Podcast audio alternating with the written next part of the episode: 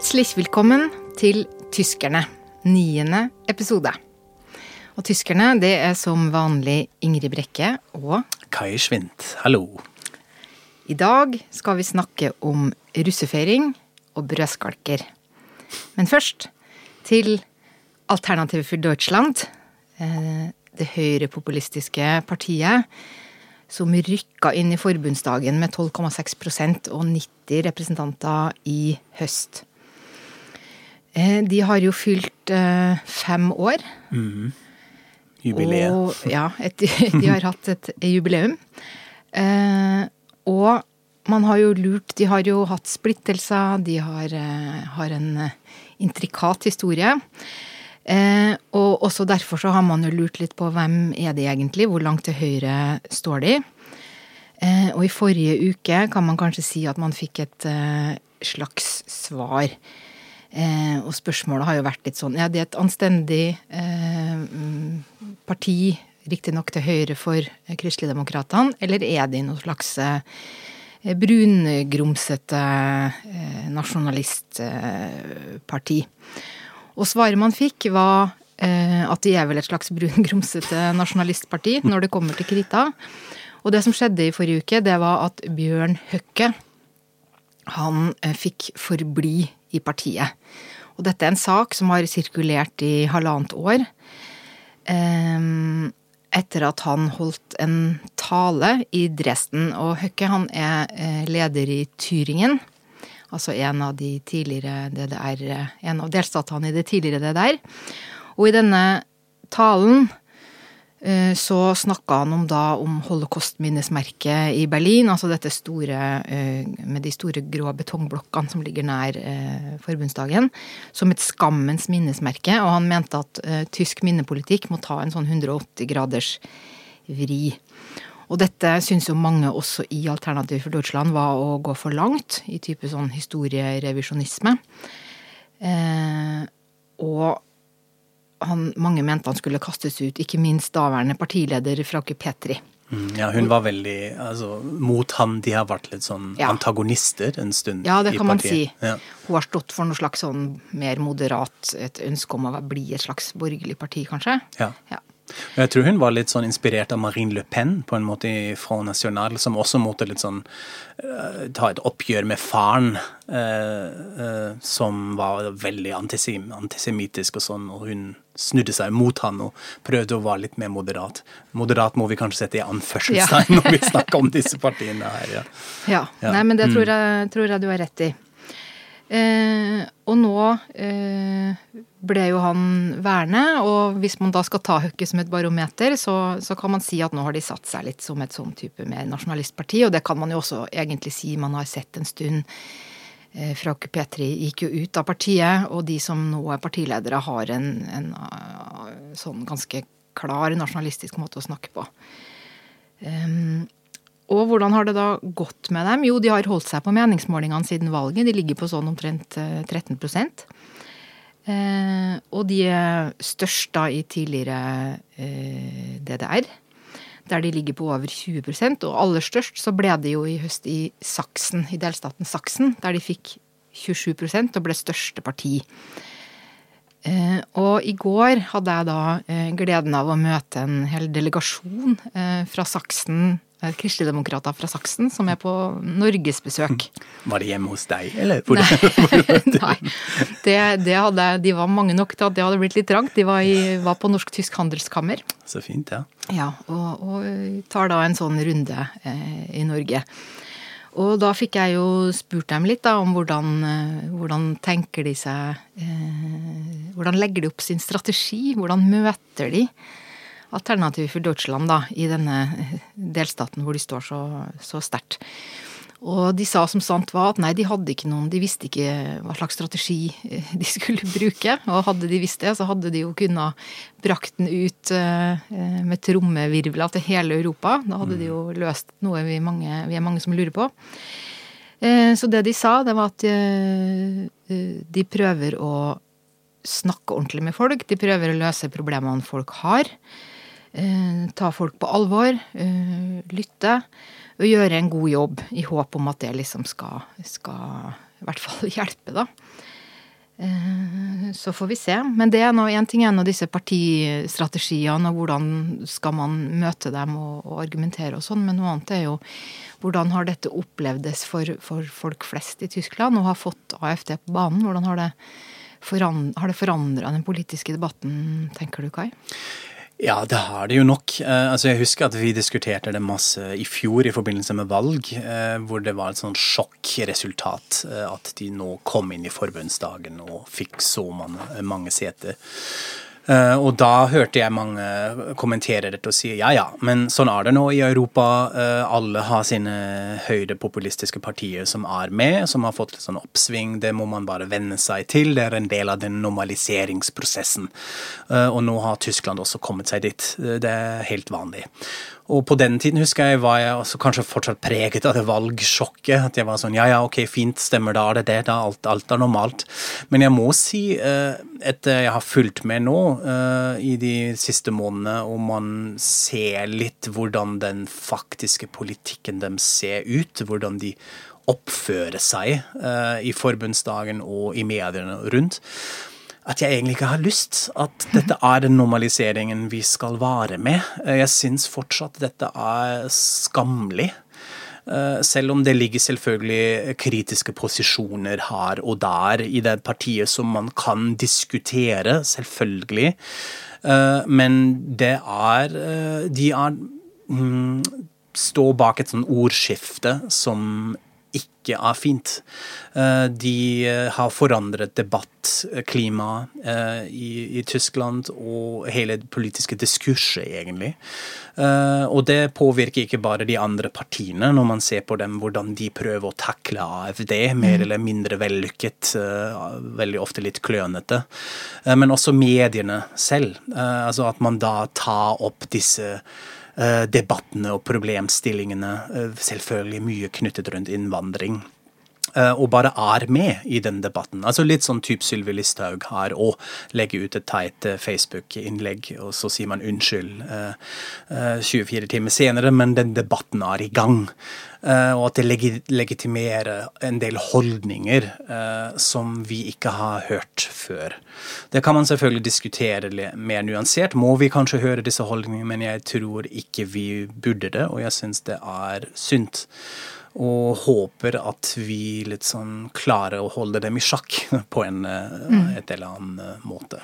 Det har jo vært veldig interessant nå å se, fordi Eh, særlig Kristeligdemokratene, som har vært dette lengste høyrepartiet, og ikke ja. er det lenger. Hvordan de strever med sånn grenseoppgang. Eh, hvor, hvor, langt kan de strekke seg, særlig da på dette migrasjon, innvandring, flyktningefeltet, for å imøtekomme det de oppfatter som noe slags velgerønsker, eh, og konkurrere med AFD.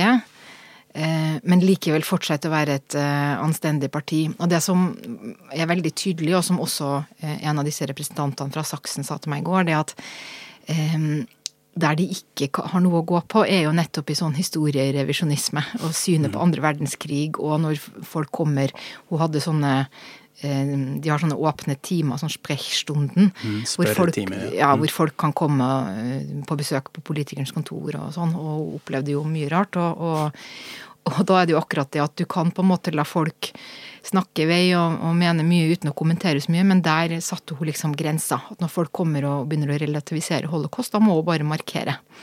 Og, og, sånn tror jeg det er. Altså det er en del av det som er det å være et anstendig parti i Tyskland. At dette er ikke noe det går an å flørte med, det er ikke noe det går an å, å kompromisse med. Der går den harde linja. Så så lenge AFD er så opptatt av dette, da, eh, og spiller sånn på det som de gjør nå, Eh, og som de ser ut til å ha lagt seg på en sånn linje, så er det jo vanskelig å se for seg eh, hvordan man i fremtida skal kunne bli et mer eh, akseptert parti og samarbeide og sånn. Men det kan jo hende de dette kan jo forandre seg. De har forandra seg mye. De kan jo eh, forandre seg igjen. Ja.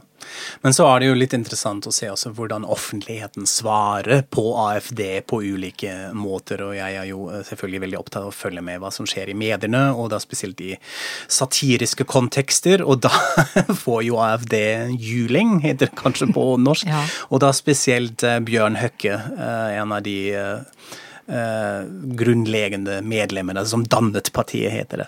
Um, som har uh, ja, vært, vært, ute i mediene masse. Og da er det spesielt det satiriske formatet Hoite Show, som har lansert en litt sånn merkelig, snodig kampanje. Nemlig at man skal kalle Bjørn Høkke for Bernt Høkke. Eh, kanskje det er inspirert av Bernt Lukke, som var også en av de ja, eh, som ja. dannet mm. partiet.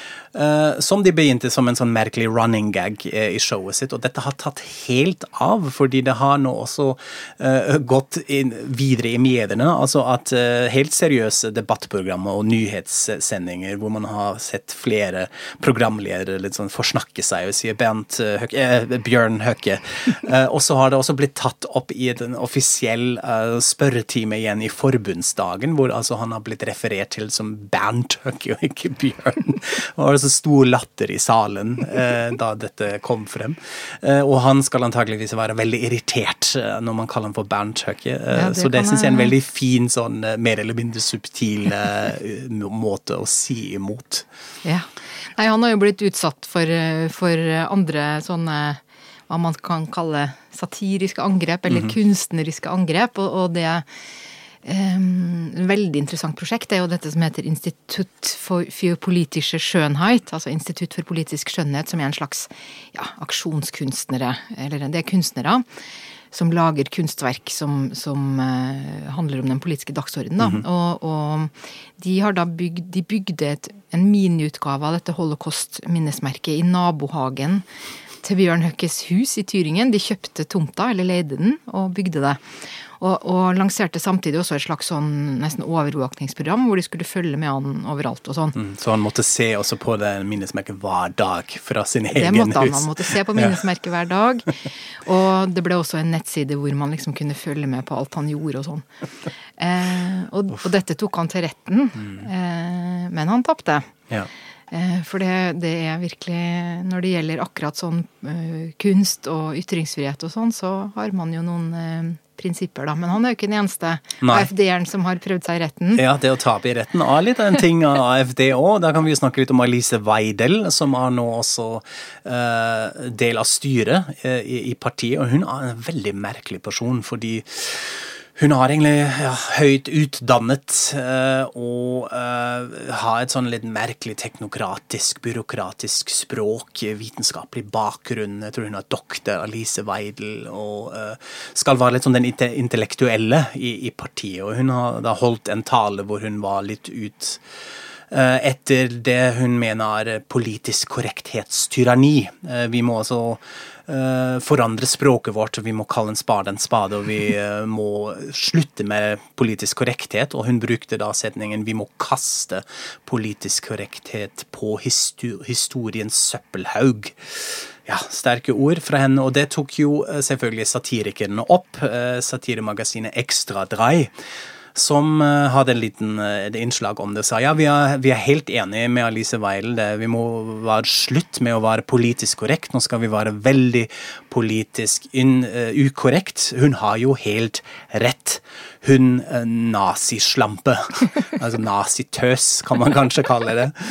Eh, som var en veldig fin eh, satirisk gag. Men det likte ikke Alice Weidel, og hun gikk til retten mot dette. De har ikke mye selvironi da, og hun tapte òg i retten, som jeg syns var veldig morsomt. Ja, men Det er jo morsomt nettopp fordi de ikke har selvironi, og de tar seg selv veldig høytidelig. Ja. ja. Mm, absolutt. Så det, ja.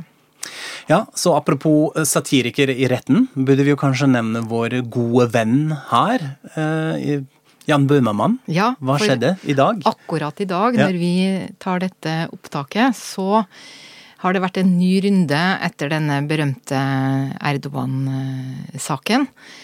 Eh, og resultatet er rett og slett at den forrige dommen blir stående. Altså at noe av det eh, diktet, satiriske diktet han lagde, skal fortsette å eh, være forbudt å gjengi. Og dette skal vi legge ut noe ordentlig på på vår eh, Facebook-side. Og så skal vi i stedet snakke om noe som kanskje ikke er noe helt annet, nemlig russefeiring. ja. ja. Tema to, russ. Ja, russ. For du, Kai, da du kom til Norge eh, og bosatte deg her, eh, da var du jo fortsatt arbeidende journalist. Mhm. Og noe av det aller første du gjorde, det var faktisk å skrive en artikkel Ja. om norsk russefeiring. Det var veldig gøy. Eh, Jeg fikk oppdrag fra Spiegel Online, ikke minst, å se litt nærmere på det fenomenet. Hva er dette med disse russfeiringene eh, i Norge? Og så gjorde jeg noe veldig spesielt, fordi jeg var med en natt på Tryvann i Oslo. med eh, hundrevis av russ. Eh, Og feiret og snakka med dem. Opp, opplevde det på nær avstand. det var veldig spesielt. Da var jeg litt sånn eh, embedded eh, journalist. Skikkelig i krigssone. Ja, nei, det var veldig interessant. Og da fikk jeg jo også vite at arrangørene ville ikke ha pressen til stede, egentlig. I hvert fall norsk presse. Norske medier ville de ikke ha der, fordi de skriver så negativ. Men ok, greit med utenlandspresse.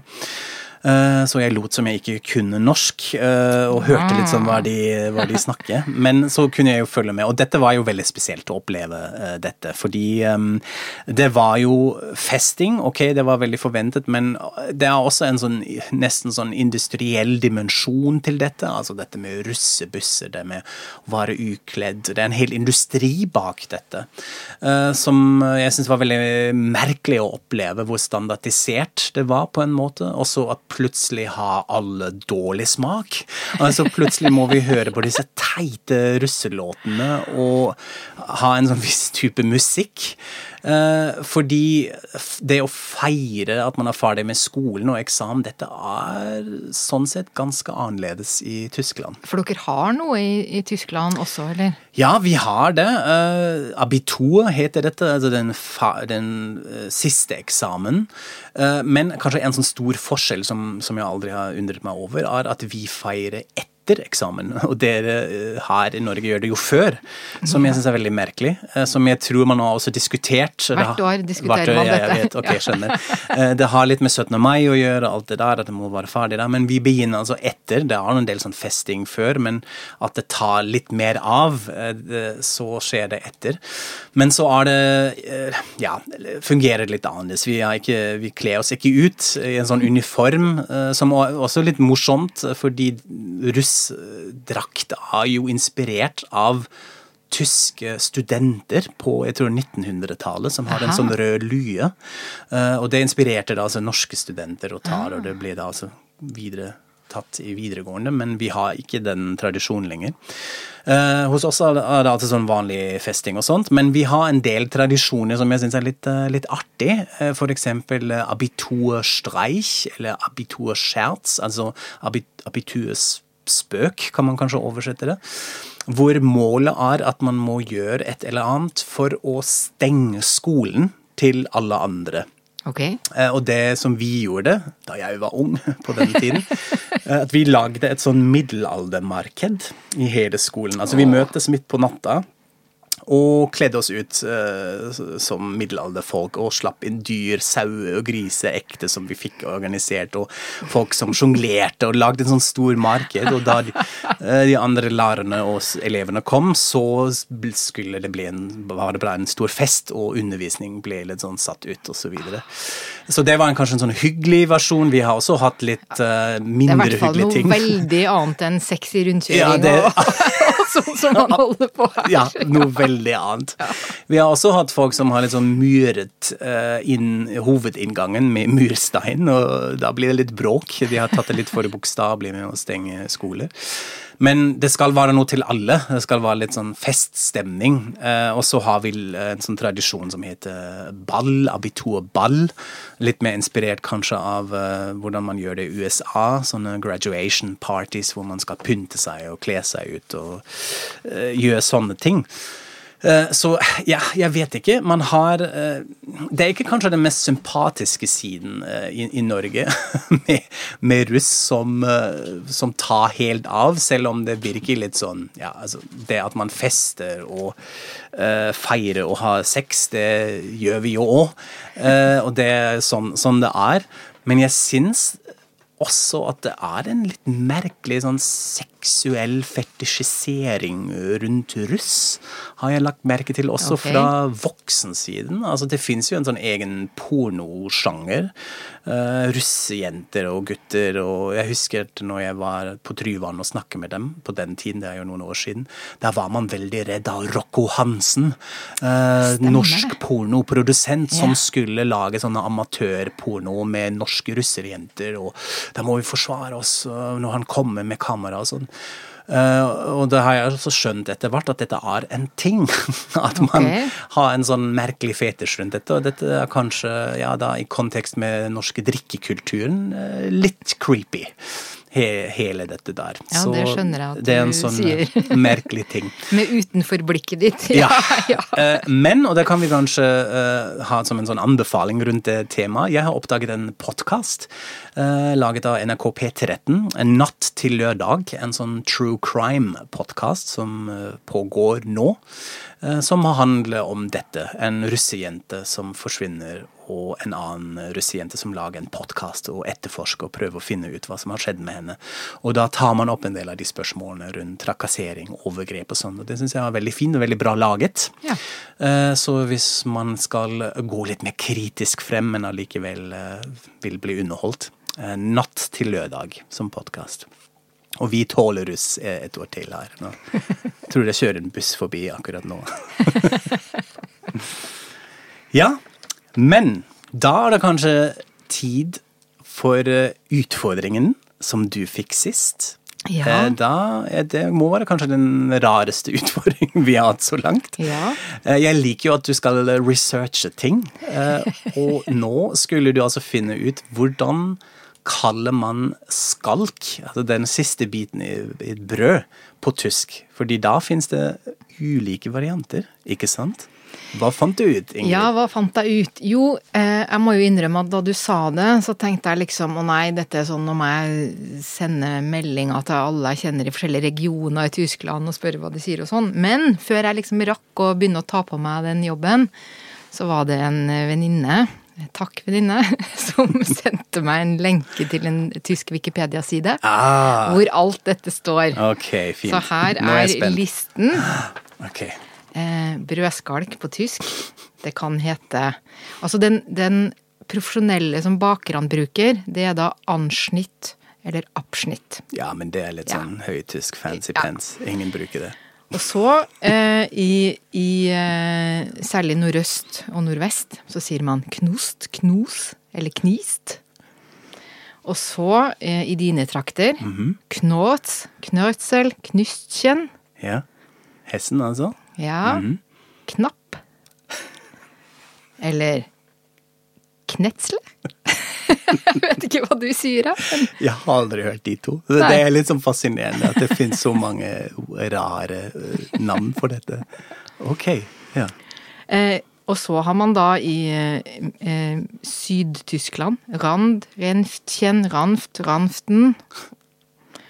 Og så har man i Tyringen Fetse, Fietze. Mm. Eh, og i Sydtyringen Kuppel. Oi, ok. Mm. Og så kan man si eh, Knoatze. Eh, det er fra Pfalz. Mm -hmm. Eller Krystchen. Eller Knost und Knaust. Eller Giggel. Og nå har jeg ikke engang sagt halvparten, men jeg tenker at vi sier at det var, ja, var greit. Det var veldig bra. Uh, og både litt spennende og litt skummelt. Og så er det jo i hvert fall et bevis på at Tyskland er en ekte brødnasjon. Ja, ja. Det, det er vi vel. Ja. Det er fint, ja. Men apropos ord.